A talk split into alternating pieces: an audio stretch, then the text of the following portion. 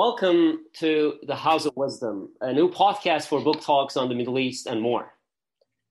Today, my guest is Jenny White, a professor of anthropology at Stockholm University in Sweden and a most accomplished writer on Turkish history and culture. I know it's rare to find a great scholar and a wonderful storyteller in one soul, and I deeply admire Jenny's unique combination of the two. The meticulous academic research and storytelling have been realized in her new graphic novel, Turkish Kaleidoscope, which was just released by the University Princeton University Press mm-hmm. two weeks ago. The book tells the stories of four college students during the 1970s as they navigate a society on the verge of a civil war. Jenny, congratulations on your book and welcome to the House of Wisdom. Thank you very much, Mustafa. I'm glad to be here. I was truly enjoyed, uh, and it was really a pleasure to read your book. You were a student at Hacettepe University in Ankara uh, in 1975, and you narrate this event at Hacettepe in 1975, going, you know, before and after, uh, to shed light on what was going on on the rest of the country. So, so could you please tell your story first? okay it's not as interesting as the story in the book, but uh, so I I um I I should start with my study abroad when I was in college in Germany because that's how I ended up in Turkey. you know, one of the messages of this book is that life is very contingent. You know, it's not like you plan something you end up there. These things happen. So this happened to me in uh, a, dormitory in Germany where I was doing study abroad, and I, I, found I couldn't make friends with the German students for some reason. But there were some Turks in the dormitory, and I'd never met any Turks before, but they were very friendly. One of them taught me how to cook. And in the end, I went to I went back to the States and finished my undergraduate degree, and I had learned about a very good program at Hacettepe University in Turkey in uh, cross cultural social psychology, which is what I was majoring in, what I was interested in. And I just decided to go. Um, and I stayed with the family. But to, to, to, go back to the contingency, you know, I, I often wonder what would have happened if there were there was one German, friendly German in the dormitory. you know, my entire life would have been different. Uh, so I, I just ended up in this contingent way in Turkey um, in 1975 uh, to start a master's at Hacettepe University, which was officially actually in in Turkish. The language of the university was in Turkish, but um, the the professors in the department were very very good, very famous psychologists, and they um, and the, the, you had to speak fluent English to get in. Uh, so when I was there, I mean, we read all English materials, and then the conversation was in English. Uh, it was only when I got to the thesis that I realized I it had to be in Turkish, and that was like three years later. I was like, oh my god. but we managed it somehow. Um, so that's how I ended up there. And when I went, I had no idea about anything. You know, of course, you're young. You you know, you're like, oh, this is so exciting. Um, and I thought that there was something strange when I got off the plane in Ankara, because you know you go down the stairs from the plane, and there's this huge tank-like thing sitting there with a gun pointed at you. Um, and I now, of course, know that it's an ar- what is it, armored personnel carrier. Um, but it was like right there by the stairs to guard us or something as we came out. And, and um, anyway, so it was a, a, kind of learning experience for me in a lot of ways because I also didn't know anything about Turkish society or culture. It was pre internet, you couldn't really easily look things up. Um, and I had no idea that there was a, pretty much a, a, civil war going on, uh, which I discovered very soon because I one day I was um, t- I was carrying my laundry down the, um, a, a, boulevard to that the family. I had moved out, but I was still doing laundry at the family's house and um, that I was staying with, and I, I, was in a crowd of people and they were chanting something. And of course, I didn't know any Turkish, so I didn't know what they were chanting. But apparently, they were chanting Washington. Washington. It's like, my laundry. And um, I saw more of these armed personnel carriers lined up in front, like, I don't know, three, two or three. I can't remember. Anyway, I, everyone stopped and I stopped and I looked at them and I thought, oh, that's interesting. You know, in American, you never think they're going to move, right? so they actually started charging into the crowd. And someone pulled me aside at the last second and kind of threw me into a doorway with my laundry. And then I took off running down a side street, and these things followed me. Like one of them they jump on the sidewalk they're kind of like roaches you know they, they can move very quickly all over the place. It's like something i'll never forget. I was like what the hell is going on here? And then you know i didn't really know anyone who was who, who would tell me these things. I, I wasn't at the university yet. Once I got to the university, of course, then, you know, I was, people clued me in. So um, it, it was very, very violent uh, at Hacettepe University. I was out on the new campus on, in Beytepe, which had just been built. So it was like way outside of town in those days, and there was a bus connecting them. Um, and uh, the, unlike Middle East Technical University, which was right next to us, which was mostly leftist students, Hacettepe was half and half. So they would be like shooting each other in the halls. There are a couple of scenes in the book that I actually experienced. Like one day I came to school, I got off the bus, I went down the corridor to the psychology department, and I smacked into a wall. And I was like, wait a second, there was a there was a corridor here yesterday. What what happened? So apparently the students were shooting each other, so they just put up a wall so that they I guess the people in the departments were shooting at each other.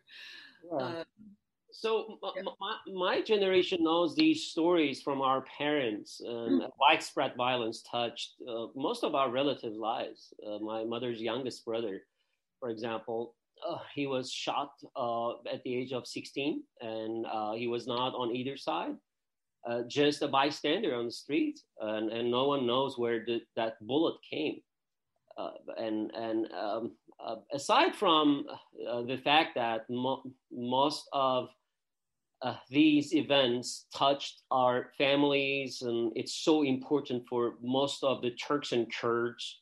What are what made you work on uh, a book uh, on on the 1970s? Well, that's a really good question because I never thought about doing a book about the 70s for some reason. So I wrote a book about the 80s, one about the 90s, one about the 2000s.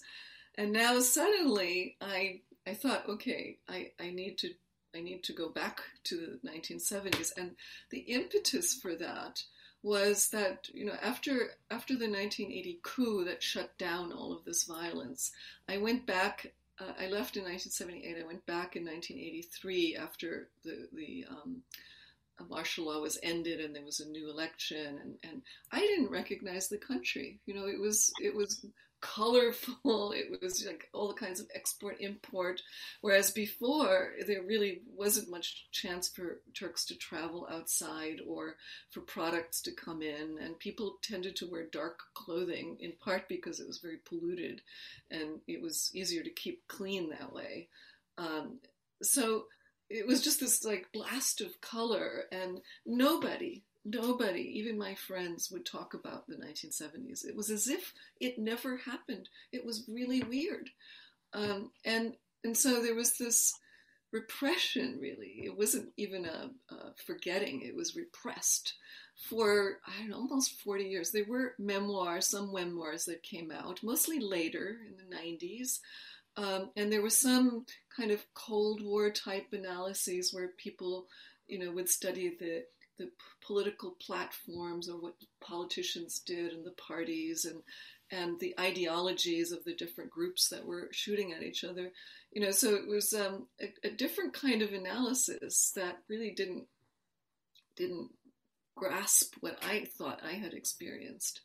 And then there were um, suddenly it appeared maybe 10, 15 years ago there started to be um, uh, the 1970s started to appear in um, um, television movies and things like that. You know, as kind of oh, wasn't it wonderful? We we could wear mini skirts and no Islamists breathing down our necks, and you know, as I don't remember anything like that.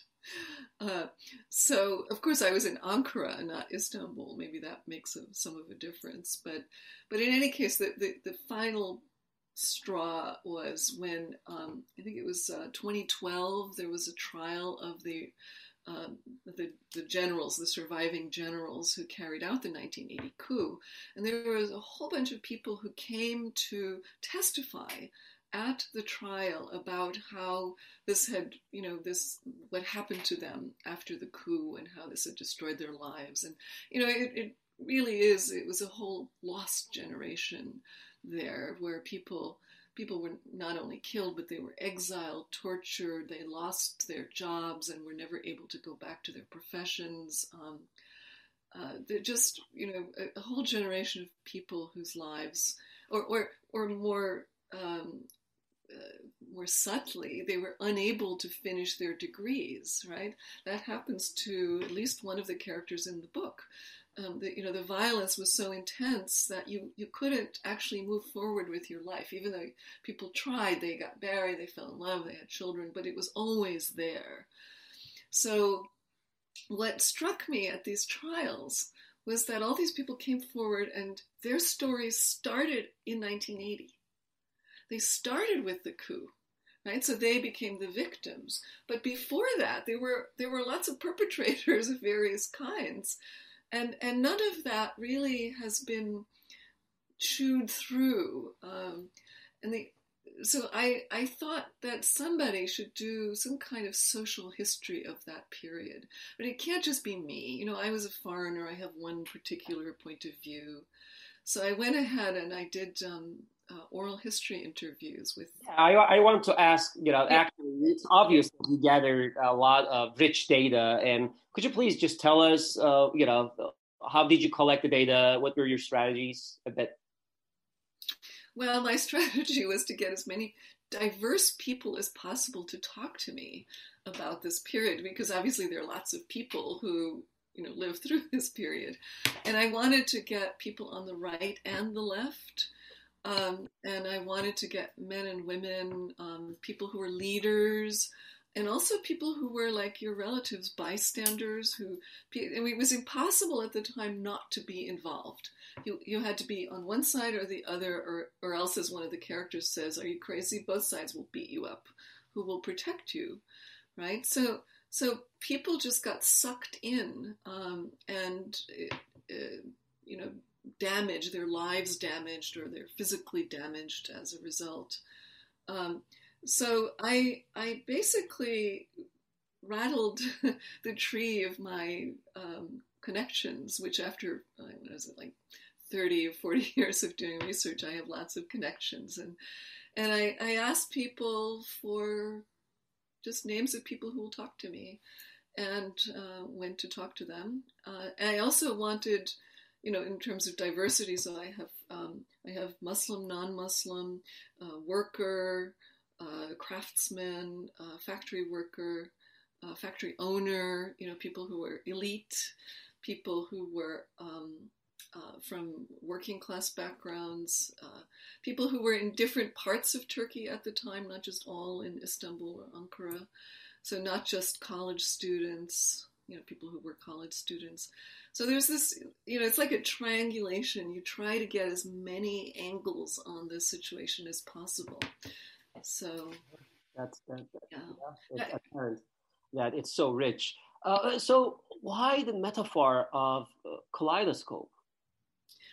Um, well, so the, the other thing that happened was that about five years ago or so, when I was in Turkey, somebody asked me, somebody I don't even know, right, asked me when they discovered that I was working on the 1970s, um, asked me, do you think that what happened in the 1970s could happen again now? And and was very concerned, very concerned. A sort of you know elderly man, and I thought about that, and I thought, well, one of the things that I noticed in doing all these different kinds of research, they're not all on violence, but much of my research has been on politics, right?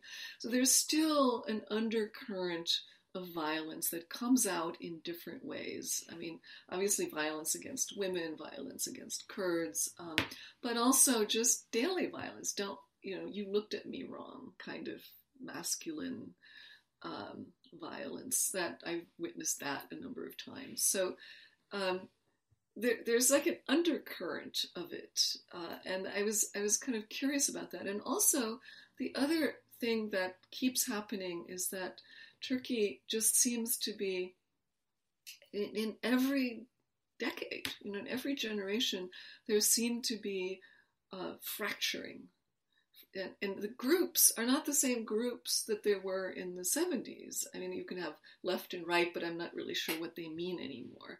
Um, now you have other labels on the different groups who hate each other with the same intense emotion as the groups did in the 70s. And, you know, so that's this intense emotion is also one of the characteristics that keeps continuing in the and that you know is the, the substrate for violence also.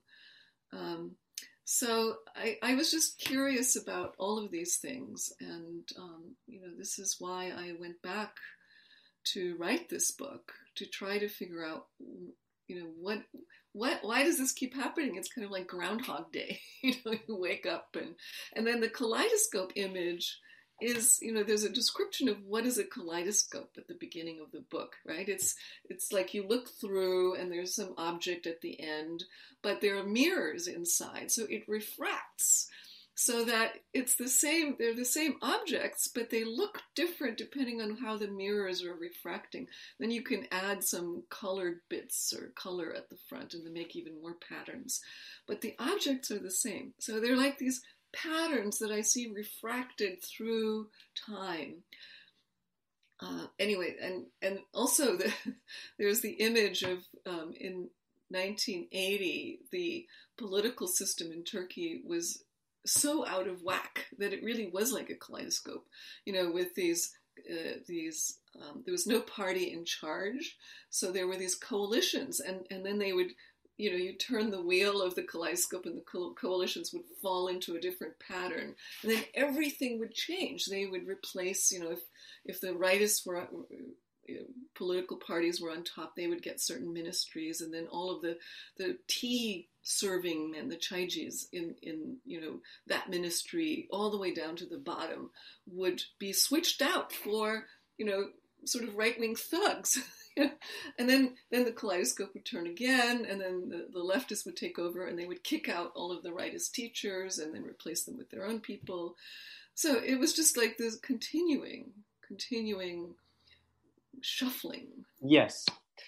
So, um, in terms of your choice uh, about the graphic novel. So, uh, what were the pros and cons of writing a graphic novel when you you compare your own experience of writing historic fiction? Hmm. Well, it was equally hard. I want to say that, and as hard as writing scholarly stuff. You know, this this book took eight years because you had to get grant proposals. You have to you have to get grants to do the research, then to pay the artist, and and it just goes, you know, on and on. Um, so basically, uh, it, the the amount of effort doesn't change. Uh, the only difference, I guess, is for a, for um, uh, writing fiction, you don't need a grant to go and do the research necessarily. Um, you could just sit in your little room and make things up. Although in my historical work, I fiction, I try to be as accurate as possible. And if I'm not accurate, invariably, as soon as the book is published, someone calls me up or sends me an irate email saying, "This building that you say was here was not there in 1887." You know. so you know you, you always have to be on your toes no matter what you're doing um, but I didn't know that I was going to be doing a graphic novel when I did the interviews, right? This was a scholarly project, and I was planning to write, uh, you know, an academic book about uh, what you know the 1970s and what it can tell us about today. So I um, yeah, so I when I did the interviews, I I realized right away there was something special about this. This is very different from my experience doing ethnographic research where ethnographic research it's kind of daily conversation or politicians talking to each other dealing with constituents and you know you you're you're there like a big ear and you write it all down um, but this was very intense because people were reliving the experience as they were telling me about it it was and I realized that they they were very young in those days, um, like I was, uh, you know, late teens, early twenties, and this was a period of great transformation for them. And so I got like coming of age stories or, you know, some little thing that happened that was made a huge turning point in their lives, including their political lives. You know, a t shirt or a telescope or something, some object, a book. Um, so, and the, the, the intensity of people talking, they're, in, they really, really wanted to someone to listen to this. And I, I, I did when I when I finished doing the interviews, and I went back and I did um, some analyses of the, looking for patterns in the interviews. There were lots of these patterns that were very clear, actually. Um, and I wrote a couple of articles about that. Um, and then I realized I'm losing the stories. You know the stories get flattened. You know so i was writing about factionalism but in fact i was losing the stories of factionalism that made the whole thing come alive. So i approached um, princeton university press which had published my previous book uh, islamist mobilization. No uh, uh, uh muslim nationalism yeah islam yeah muslim nationalism um, so they, to my big surprise, encouraged me to do a graphic book. And I had thought, well, I could maybe do a scholarly book with some pictures or, or somehow get the stories in there. Um, but they said, no, no, we can't sell an in between book. Right? It, there's no market for it. You have to either write a scholarly book with maybe some pictures, or you, ha- you could do something else. And they had just, they sent me the proofs for two serious graphic books they were just about to publish. Um, one of them was on the history of philosophy, heretics, and the other one was a philosophy. Wow. You know, yeah, and the other one was a a, um, uh, a problem in physics. Right. So so these were two books that they were just publishing, and I looked at them and I thought, wow, these are not this is not cartoonish. I mean, it is cartoons, but it's it's certainly a serious book. Um, and I I thought this is something new. You know, it's a thing. I didn't know it was a thing to do serious graphic books. And I started bumming around in bookstores and looking, and, and sure enough, MIT Press, you know, other kinds of serious presses were publishing these kinds of books. And there was um, there's one in anthropology that came out. Um, it's called Lissa, L-I-S-S-A, uh, by Sherine Hamdy and Coleman Nye, and it's about Egypt, right? So it's about someone who gets cancer in Egypt. They're, they're medical anthropologists, so it's a new way of presenting your ethnography. Um, mm-hmm. um, so um, yeah. I like to uh, get a quote from the book, and um, it's a scene in the book um, and then I'll, I'll, just ask a question um, about your um, article in um, American Interest. Here's the quote We would better keep this conversation to ourselves. Being in a leftist group is like being in a tekke, that is Muslim Dervish Lodge. You do whatever the Sheikh wants. You think what he wants you to think don't let anyone know you have these questions, Nuray. Remember the saying, do as I say. If not, you're a traitor. This reminded me of your article in the American Interest a few years ago, um, you ch- where you challenged these simple dichotomies like Islamism versus secularism, and you explain the shared authoritarian culture and the reporters such as Kahraman, the selfless hero, and traitor. So could you please elaborate on this? You you did already with the kaleidoscope, but um, could you please? Yeah. So that was one of the patterns that I found, regardless of who was being interviewed. Right? It could be left, right. It could be anything. Um, there, there when you when you join a group, um, you have it, it becomes your life, right? It, it becomes your life, and it's organized around a central person. Um, the, the, leftists call them the the, the abi, and the central person controls everything. You know, you used to. It's everyone knows who knows anything about the 70s that you could tell who was leftist and who was rightist by the shape of their mustache. Like, even down to that kind of detail what they wore, how they interacted with the opposite sex. It was very controlled.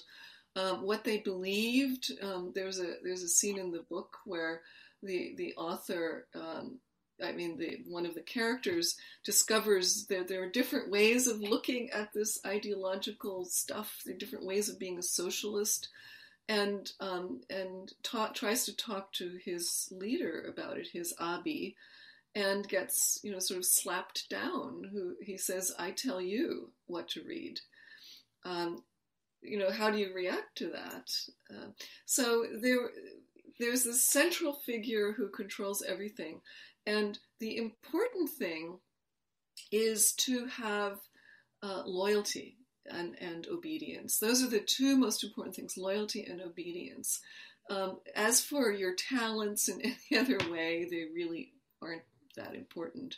And I, I did some more research since that article about that because it was very powerful. There's a there's an article called Spindle Autocracy that I, I published um, a couple of years ago that came out of this and there I developed this further where I, the, you know, I don't know, people might not know what a spindle is. It's the, it's like a stick that hangs on a string and it twirls. You use it in the villages to create yarn, you know, wool out of raw wool. So the raw wool gets, you know, um, networked around this uh, this spindle, and then comes out at the bottom as as socially useful yarn that can be used to knit sweaters. Um, there's a good word in Turkish for that, terbiye. Terbiye edilir. Right? So that word has a, many connotations. You use it in food, you use it with children to make them behave. Um, uh, well-behaved child is terbiyeli, um, but it also has a little sense of violence in there. You know, you beat the food um, to terbiye, the beat. Uh, so it's it's like you take these raw recruits and they gather uh, in a network around a leader. The leader, it's the leader. Um, uh, basically, they, they network around the leader, and um, they're expected to be loyal and obedient to the leader. But what happens is because this is the essence of their relationship, right? Because it's personal, loyalty and obedience is a personal relationship. If anybody in disagrees with the leader, it's also personal. And then you become you you're cast out as the traitor. Right? If you disagree with the the, the leader who's often uh, represented as this sort of heroic figure, um, the, the kahraman, um, then you get kicked out and you become the hain, the traitor. And the, the, the kahraman traitor duo of, of the term, terms is so widespread and so important in Turkish society. Um, you know, I, I, I see, see, them as kind of spools around which much of Turkish political and social life, you know, organize themselves, because it's it goes along with because it's all personal. It goes along with this hatred, this really really deep hatred that a number of the people who I interviewed brought out to me. They said, like, where does this come from?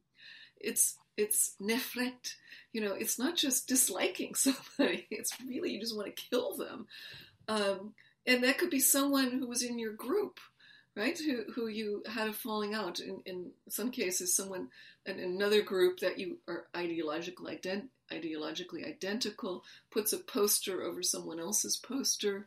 And then, you know, they, they have these violent feuds over that where people get killed. You know, it's about masculinity also. So at this point, uh, it could be even from you know your you know someone from your ideological spectrum. You said compared to rightists in the book, uh, I realized that leftists appear to be most divided in terms of the stories and you know in terms of how they got into violence against each other. Why don't we see the same dynamic uh, on the on the right on the right side? Mm. Yeah, I've thought about that. I don't have a, a simple answer. Um, the, the, the, right did have splits. There were, I think, around 20 groups uh, by the time of the coup, but there were like 70 different groups of leftists. Um, and the, the rightists were divided according to uh, the people who thought that the Central Asian kind of heroic warrior background is the most important aspect of being Turkish. And then there were those who thought Islam was the most important aspect. But they overlapped. You know, they didn't really contradict one another. It was a matter of emphasis. So, um, and they had one, one focus, you know, which was the leftists. Whereas the leftists were focused on each other uh, as well, competing for um, you know, crumbs of power over particular neighborhoods and, and so on.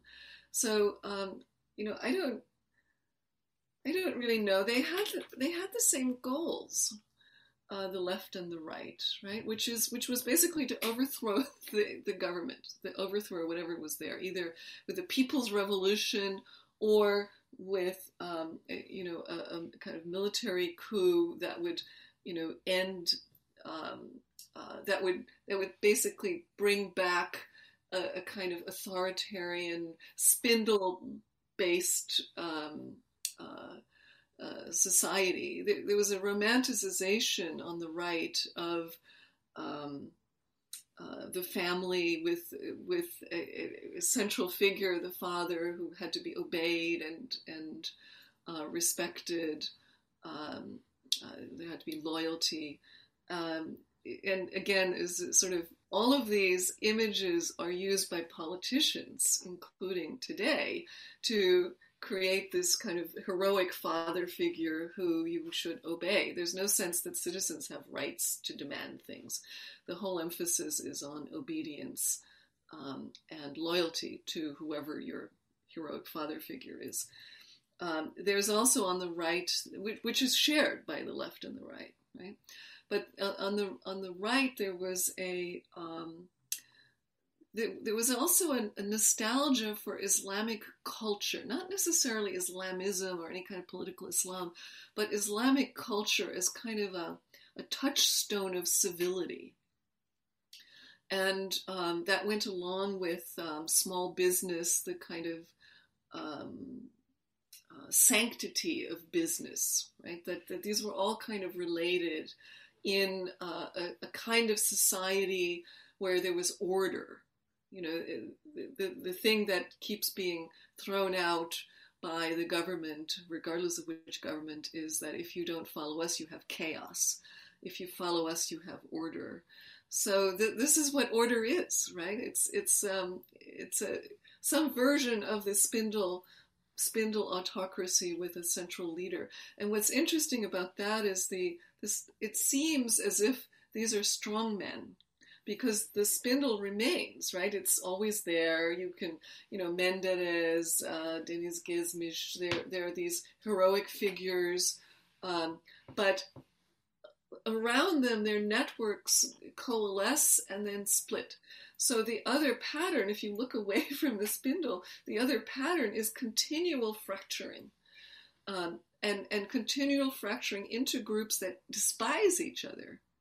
Right? So a lot of societies have um, uh, fracturing, um, you know, and, and they have some we and you situations where you cooperate and and some us versus them where you you know you're oh. competing but turkey is unique i think at least in my experience in that everything seems to be us versus them even in the business world there there's there's something going on there that i tried to kind of grasp with this um, spindle metaphor so I, would like to ask you about the role of deep state uh, or the Turkish state itself. You know, um, what explains such a such level of violence, uh, widespread, incredible violence as part of everyday life? Uh, was it an incapacitated state, weak state, or was it a calculated, controlled violence that God states um, support in one way or another?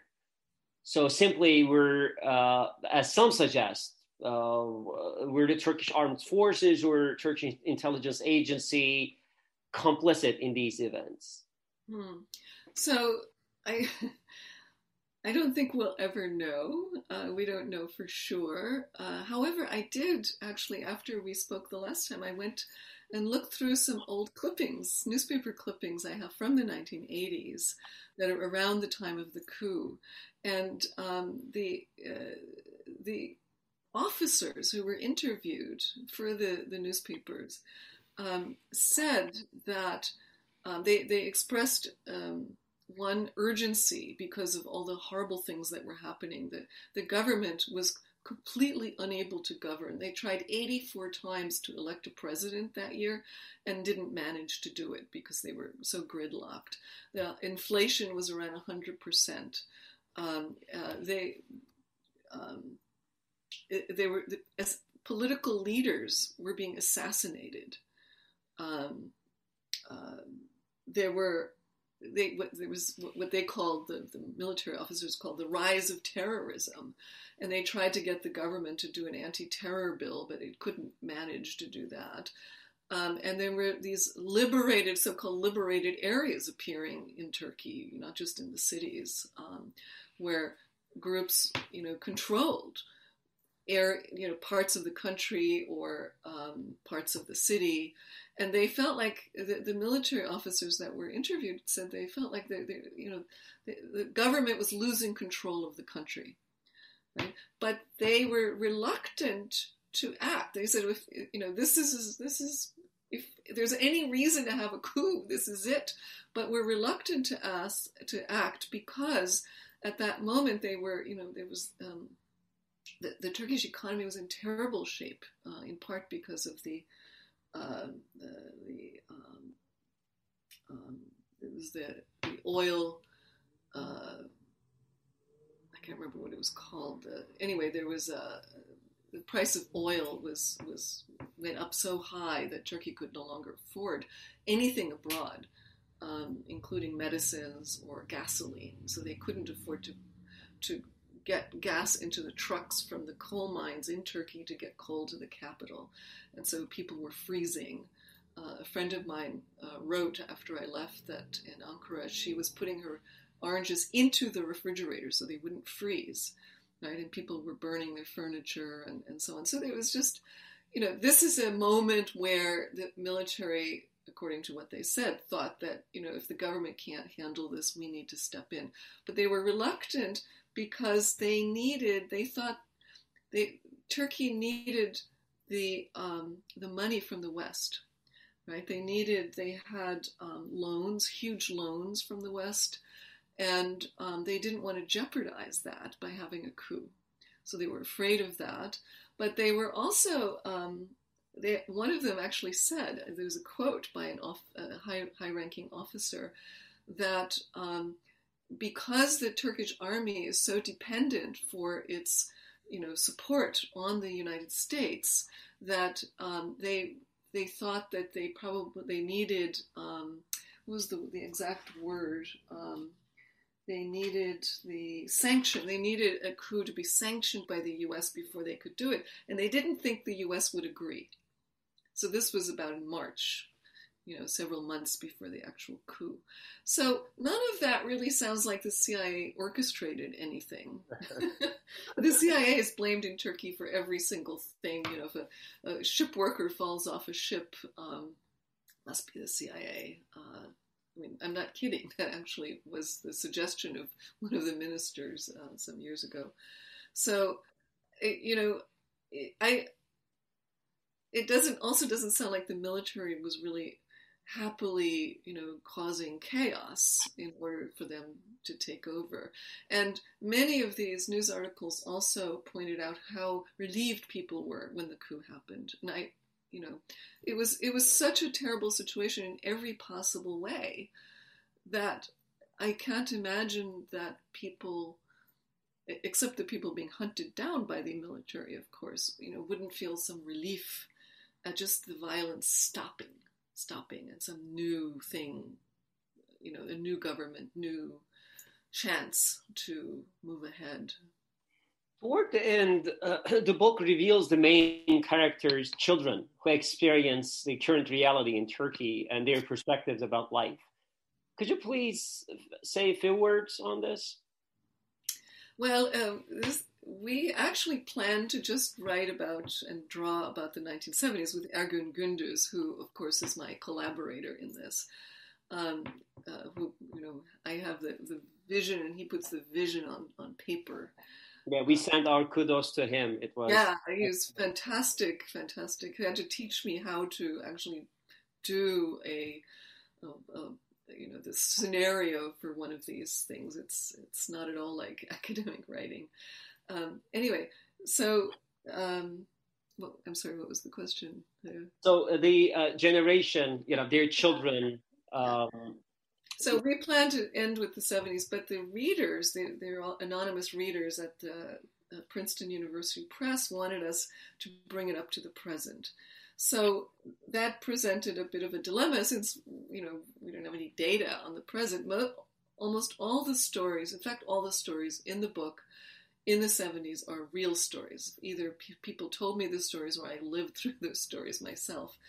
Um, but you know, if you're going to bring it up to the present, then you have to invent people. Then it be, at that point, the book became true fiction, um, and it was Ergun's idea to give the main characters children because then we could, you know, so he drew the children and I wrote their stories. So their their stories are there, you know, and, and I tried to incorporate into the stories all the things that had changed since the 19 since 1980 that would have affected them. Um, so it's not it's not predictable, you know, that a person who was a, you know a, a white an MHP person in the 70s would um, now have a rightist child. Um, the, the, categories have transformed and changed and, and the concerns and it's been globalized and um, you know it's not at all it's not the same kind of generation as in the 70s then we have gezi park where two of the children appear in gezi park. Um, and uh, and then I, I i ended i ended there um, yeah, I, I loved it.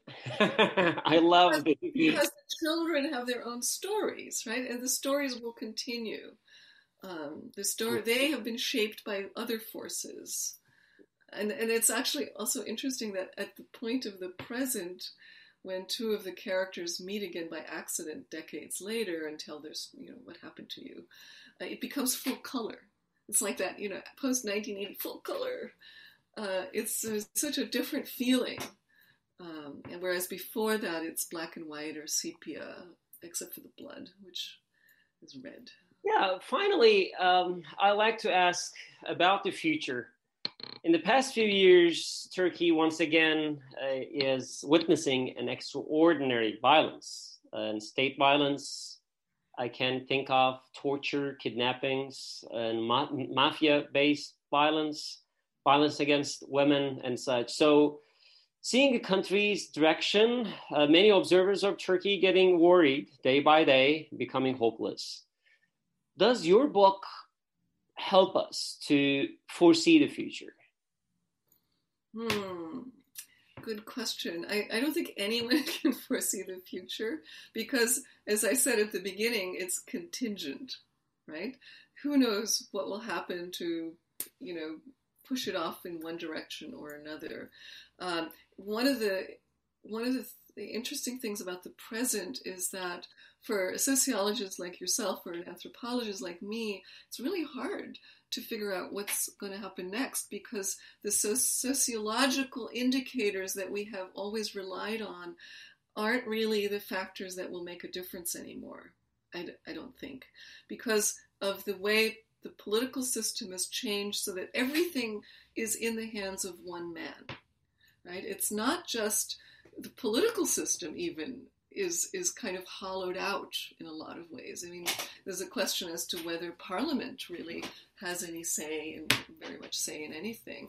I, as somebody posted on Twitter uh, a copy of um, uh, an, uh, a decision that had been made in I think 2018 that I had never heard of, which you know actually showed the the legal document, um, a political document that said that um, the president can uh, withdraw from any international agreement just alone without consulting parliament. NATO, you know, the, the, the um, Istanbul Agreement. I just so there there are these there are these um, blockages to seeing into the future now. You know, we know what we have now, but we don't know how it will develop because we don't know what that one person is going to decide. And, you know, um, uh, President Erdogan can turn on a dime. You know, he, he has he has made um, unpredictable decisions before. So, um, you know, eh, there are elections coming up, which he and the MHP apparently cannot win, but he can't afford to lose. Um, there are there are many more guns around than there were even in the 1970s. I think I don't have an exact count, but you know now there are these kind of armed militias. Um, they're all wild cards as far as I'm concerned, um, and there are um, th- there's one other thing that in the 1970s, you knew who your enemy was. You could just look down there and see the mustache. or you knew who belonged to what group, even if you were friends and you had been friends. You knew that they, he had split off and joined this other group, therefore it was your enemy. Now, you don't know who your enemy is, which makes it so much more dangerous and, and hard to figure out. So, there are all these new categories, you know, um, FETÖ'cü, um, PKK is an old category, but um, uh, so there and there are combinations. Um, people are are uh, encouraged to snitch on each other. That appears in one of the children's stories. Um, that and so you have people with vendettas, right, or or gripes about their neighbors or their mother-in-law who turn them in and label them with um, some group affiliation, um, which really has nothing to do with that person, right? So you don't know who is an enemy. It could be you, right? If you, you know, ruin your neighbor's lawn or something. Um, so if there is violence, who is it going to be against? Where are the boundaries? The boundaries, I think, are always moving. Um, you know, who's on somebody who's on one side is suddenly on the other side. Someone who's in good with the leader is suddenly not good with the leader. It's the, the spindle politics working, you know, splitting, splitting, splitting on the basis of disloyalty, um, uh, you know, personal anger, uh, and so on. So that, that, where you get that big emotion that I talked about before, but now it's diffused throughout society. Um, and despair. Despair also is a, a, big emotion. And I don't know how these things will work out. Um, On this note, which is not the best hope note, I know, but Jenny, thank you so much for taking time for, for this interview. Truly appreciate this. And um, for our audience, uh, please stay tuned for our um, upcoming talks um, on great books uh, on, uh, at the House of Wisdom. Jenny, thank you so much again. Thank you. Thank you for inviting me. It was a great pleasure. Absolutely.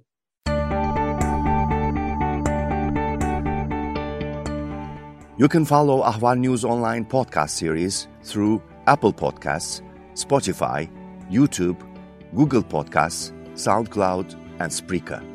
All you need to know about Turkey is here for your ears, mind, and attention. Thank you for listening to our podcast.